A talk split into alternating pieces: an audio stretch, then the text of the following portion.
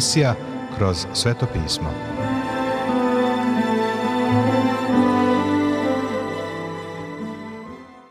Dobroveče, poštovani slušaoci i dobrodošli u još jednu emisiju programa Kroz sveto pismo, programa koji je za vas napisao Vernon McGee, a pročitao Branko Bjelajac.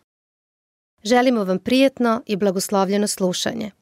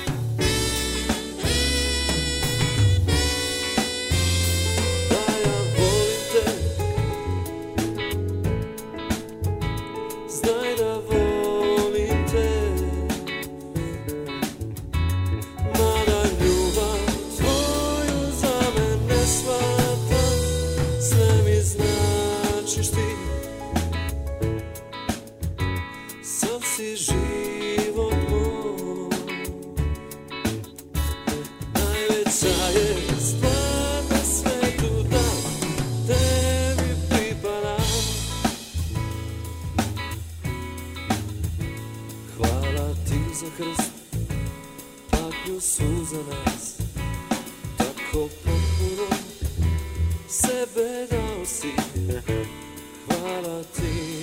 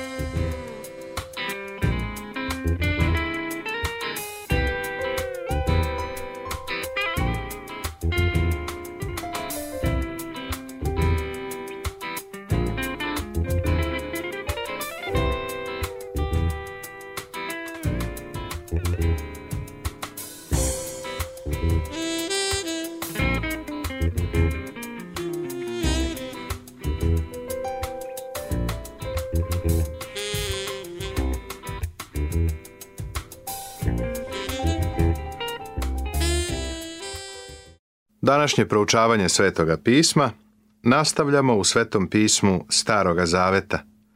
U knjizi proroka Jezekilja u 30. poglavlju od 12. stiha. I ću reke i predaću zemlju u ruke zlim ljudima i opusteću zemlju i šta je u njoj rukom tuđinskom. Ja gospod govorih. Ove reke su, kao što smo već vidjeli, različite grane u delti Nila. Bilo ih je mnogo. Tu je bilo i kanala u toj veoma plodnoj ravnici. U blizini je bila zemlja Gošen, gde su se Izraelci smestili kada su tek stigli u Egipat. I isušiću reke i predaću zemlju u ruke zlim ljudima – Egipat je kasnije pokleknuo pred Aleksandrom Velikim, a kada je on umro, njegovi generali su preuzeli pobeđene narode. Kleopatra, koja nije bila Egipćanka nego Grkinja, vladala je Egiptom. I opusteću zemlju, i šta je u njoj rukom tuđinskom. Tuđini su stranci. Egipat je potpao pod kontrolu stranih, tuđih naroda, a kanali su se napunili. Iako nikada nisam bio u oblasti Delte Nila, moj prijatelj kojeg sam sreo u Kairu, a koji se upravo otuda vratio, rekao mi je da je u tom delu močvara. Bog je rekao da će opustošiti tu zemlju i ona je danas baš takva. Evo još jednog iz izvanrednog proroštva. Ovako veli gospod gospod. I gadne ću bogove potrti, i istrebiću ću likove u nofu, i neće više biti kneza iz zemlje Misirske, i pustit ću strah u zemlju Misirsku. I istrebiću ću likove u nofu. Nof je u Memfisu a u Jezekiljino vreme to je bio veliki egipatski grad. Bio je vrlo imućan i u izobilju je imao idola. Sa obe strane ulica su bili postavljeni idoli. Bili su gradska dekoracija. Nijedno drugo mesto nikada nije imalo toliko idola kao Memfis. Ovde Bog kaže – da će učiniti da nestanu idoli iz Memfisa. Išao sam preko ruševina Memfisa, a sve što je ostalo je jedan veliki kip Ramzesa. Kip leži na leđima, a oko njega su podignute građevine da bi zaštitile kip. To je jedino što je ostalo od Memfisa. Bog je uradio upravo ono što je rekao da će da uradi. Istrebio je idole, kaže Vernon McGee u svojim komentarima koje vam ovdje čitamo. I neće više biti kneza iz zemlje Misirske. U Egiptu više nema carske loze. Nikoga od vladara ne možemo zvati velikim čovekom. Svi oni od drugih naroda očekuju pomoć i podršku. I izliću gnev svoj na sin, grad Misirski, i istrebit ću ljudstvo u novu. I izliću gnev svoj na sin. To je Pelusium, sada potpuno zakopan u pesak. I istrebit ću ljudstvo u novu. Ovo je Teba, veliki grad u Gornjem Nilu. Njegovi ostaci su tamo, ali je njegova veličina sasvim nestala. U sljedećim stihovima Bog i dalje govori o ovim velikim egipatskim gradovima, koji su sada već potpuno nestali. Sine čovečiji, slomih mišicu faraonu, caru Misirskom, i eto, neće se zaviti da se leči, Neće se metnuti zavoj, niti će se zaviti da bi se okrepila i mogla držati mač. Zato ovako veli gospod, gospod. Evo me na faraona cara Misirskog i slomit ću mu mišice i zdravu i slomljenu i izbiću mu mač iz ruke. Bog ponovo izjavljuje da će Egipat pasti. Slike egipatskih vladara ih uvek predstavljaju kao likove koji drže skiptar u rukama. Skiptar je bio simbol njihove moći. Bog kaže, slomih mišicu faraonu. Teško je držati skiptar slomljenom rukom. Bog nastavlja i kaže, i eto, neće se zaviti da se leči. Vavilon je krenuo da pokori Egipat, a Faraon će biti nemoćan u nastojanju da ga zaustavi. Sve ovo se doslovno ispunilo. Poglavlja 31. i 32. Sud protiv Faraona lično ova dva poglavlja završavaju deo posvećen sudu protiv Egipta. Poglavlja od 29. do 32. Zanimljivo je da Zekilj Egiptu posvećuje četiri poglavlja, kao i da se Egiptom bave Isaija, Jeremija i mali proroci. Egipat igra značajnu ulogu u istoriji izraelskog naroda. Prilično je ironično to što je Egipat trn u telu Izraela i u sadašnjem vremenu. Egipat je u stvari kao pas koji niti kosku glođe, niti je drugom daje. U 31. poglavlju vidimo pad faraona. Opisan je u paraboličnoj formi i predstavlja i faraona i njegove podređene. Stihovi od prvog do devetog nam pokazuju veličinu i slavu egipatskog faraona. Stihovi od desetog do četrnaestog opisuju pad faraona kroz parabolu u drvetu, a stihovi od 15. do osamnaestog iskazuju tugovanje zbog pada drveta i zbog krize koja je zbog toga zadesila narode sveta to je imalo isti efekat u ono vrijeme kao što bi danas pad Amerike izazvao u svetu kada bi preko noći bila razorena. To bi svakako promijenilo situaciju u svetu. Verujem da si uvideo koliko je značajna knjiga proroka Jezekilje. To je knjiga koja nam otkriva slavu gospodnju i činjenicu da je Bog svet, i da će suditi grehu. Bog je istovremeno i milostiv. Bog je dobar. On voli ljude i želi da ih spase. On ne želi da iko propadne, ali sudi grehu. Njegova namera je da sudi, pa ni tebe neće poštedeti ako odbiješ njegovu velikodušnu ponudu. To je ono što se desilo Izraelu i Egiptu. Egipat je osuđen na osnovu svetlosti koju je posjedovao, jer mu je mnogo svetla bilo dato. Faraonova veličina i slava Sine čovečiji, kaži Faraonu caru Misirskom i narodu njegovom, našta si nalik u veličini svojoj?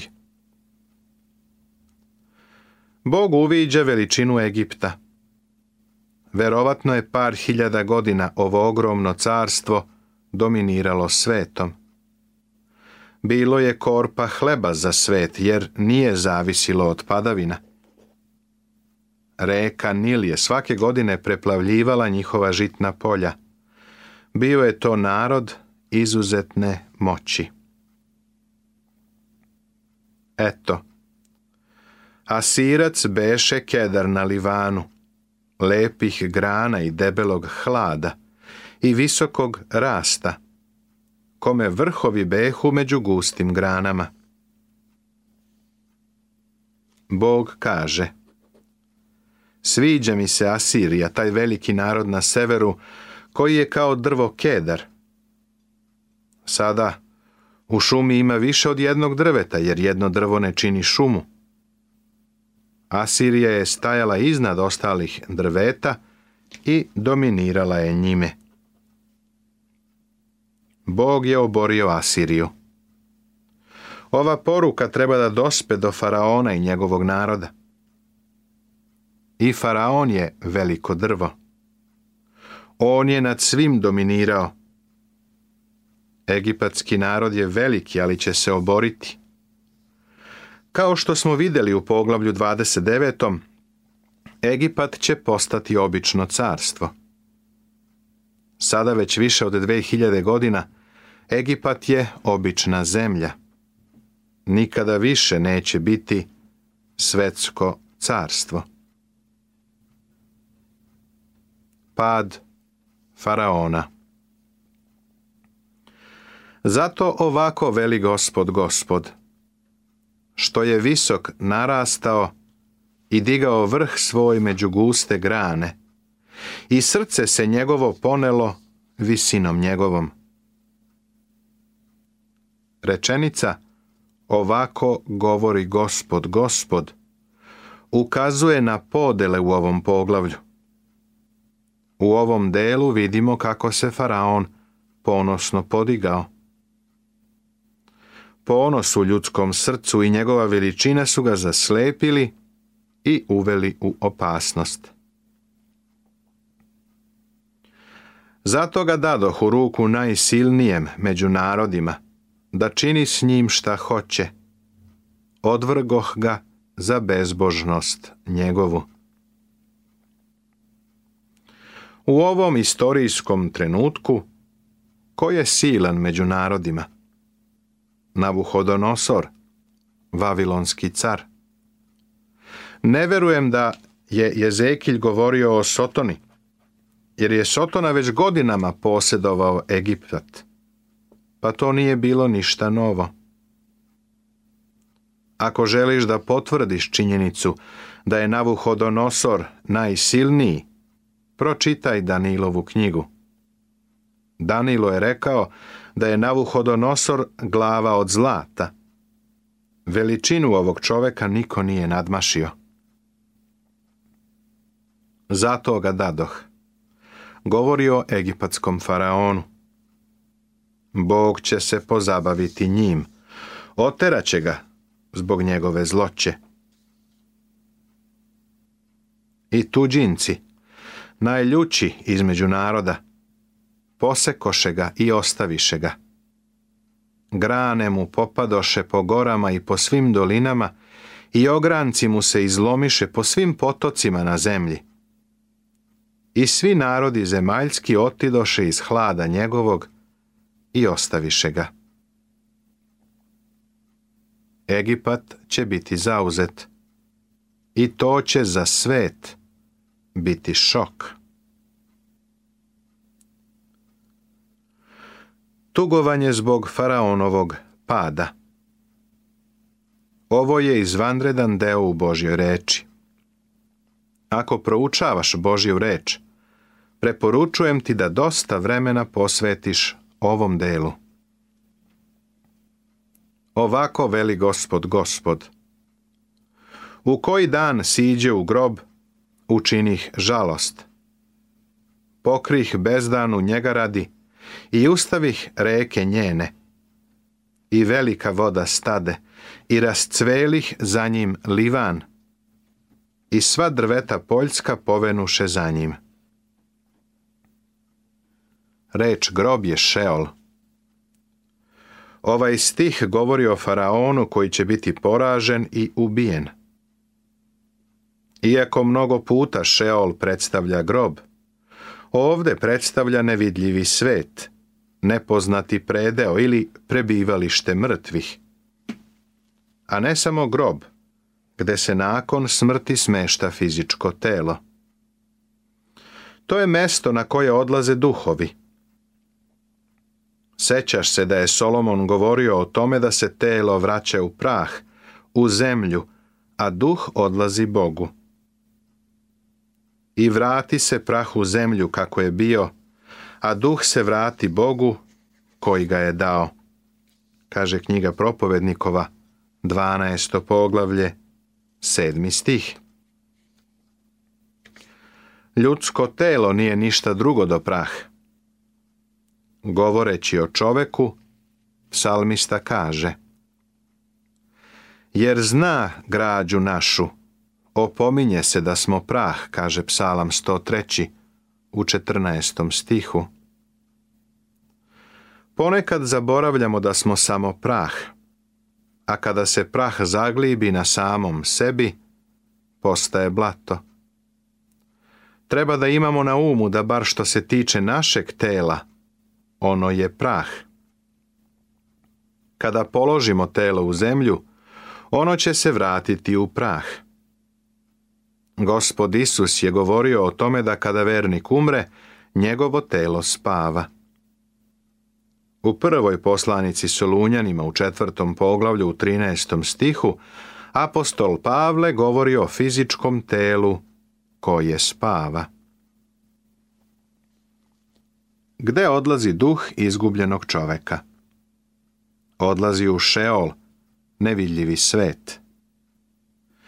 Iz priče o dvojici ljudi koji su umrli, a koju je gospod Isus ispričao u Evanđelju po Luki u 16. poglavlju od 19. do 31. stiha Svetog pisma Novog Zaveta, znamo da je Šeol podeljen na dva dela. Jedan deo je mesto mučenja i tamo je otišao bogataš. Drugi deo je Avramovo naručje to je mesto na koje je otišao siromah. Mesto mučenja ne treba mešati sa paklom ili sa ognjenim jezerom o kojem se govori u Novom Zavetu. Šeol je očigledno bio privremeno prebivalište za mrtve pod znacima navoda. Jer je gospod Isus ispraznio onaj deo koji se naziva Avramovim naručjem ili rajom, kada se vazneo, kako kaže poslanica Efescima četvrto poglavlje od 8. do desetog stiha.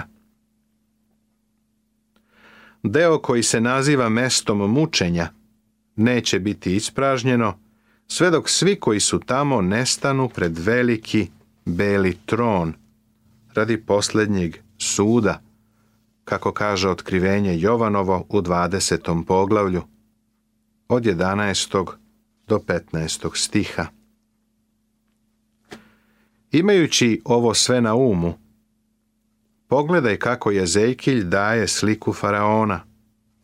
Faraon odlazi u Šeol. Pokrih bezdan u njega radi i ustavih reke njene i velika voda stade i rascvelih za njim livan i sva drveta Poljska povenuše za njim. Kada je umro, ceo svet je žalio. Sve do Libana, koji je bio u velikom feničkom narodu, svi su tugovali. Narodi celog sveta su žalili kada je Egipat pao. Svi su od njega zavisili. Njihova ekonomija je počivala na njemu, i Save sa njim ih je štitio. Kakva je ovo slika? Nastavit će se.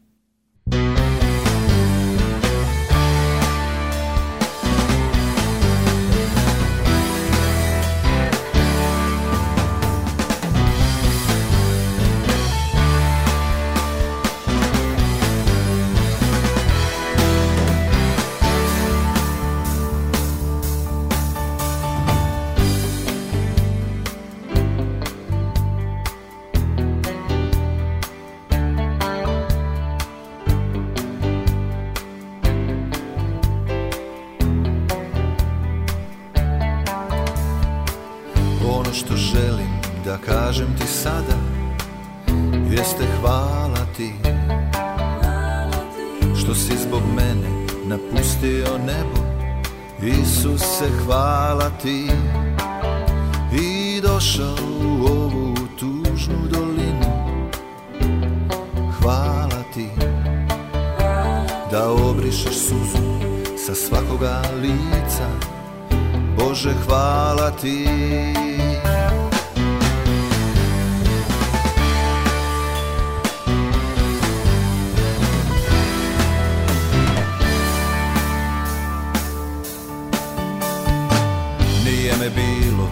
briga za tebe, al ti si me voleo Kad su te tukli za moje grehe, glavu sam okrenuo Ni na krunu od trnja na tvojoj glavi, nisam puno mario Na tvoje ruke probodene, oči sam zatvarao ti si me voleo Na krsti umesto mene otišao A ti si me voleo Svoj život si umesto mene predao Hvala ti za sve što na krstu si Hriste učinio ti Hvala ti za svaki trenutak života Sa tobom hvala ti Za sve što na krstu si Hriste Učinio ti hvala ti Za svaki trenutak života Sa tobom hvala ti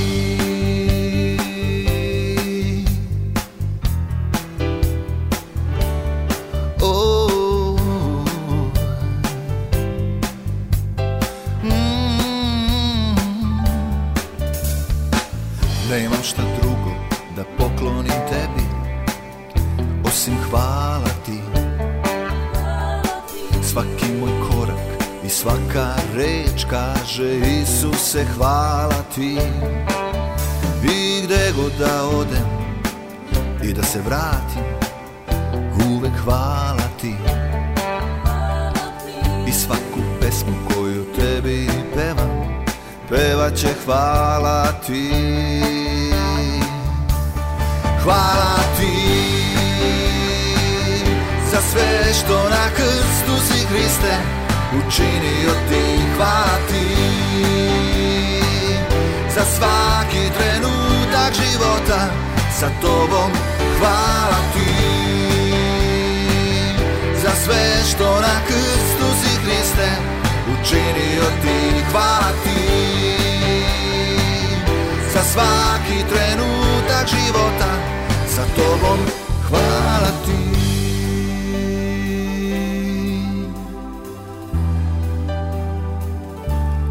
Hvala ti.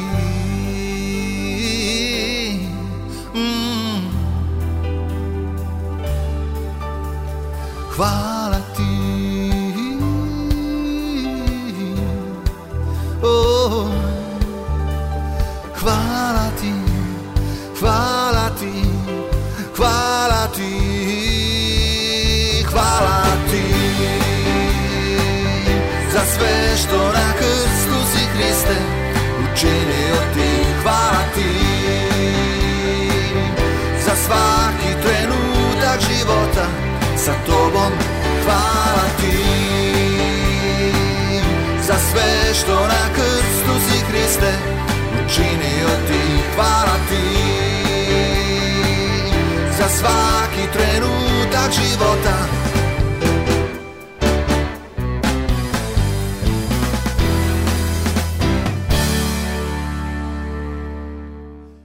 Poštovani slušaoci, završena je još jedna emisija iz serijala Kroz sveto pismo. Ovaj program možete da slušate svakog radnog dana na talasnoj dužini od 1548 kHz u vremenu od 22 sata do 22 sata i 30 minuta.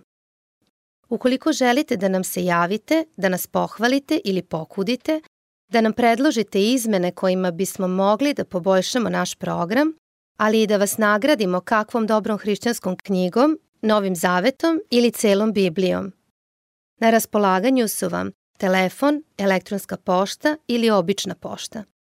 Broj našeg telefona je plus 381 062 396 331.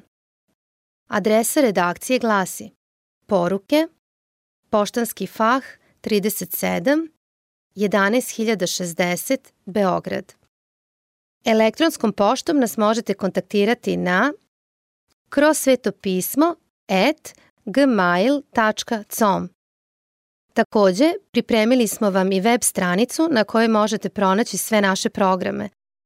Adresa web stranice je www.twr.com serbia.org. To bi za večeras sa naše strane bilo sve. Pozdravljaju vas i žele vam Boži blagoslov Branko, Nebojša i Monika. Laku noć.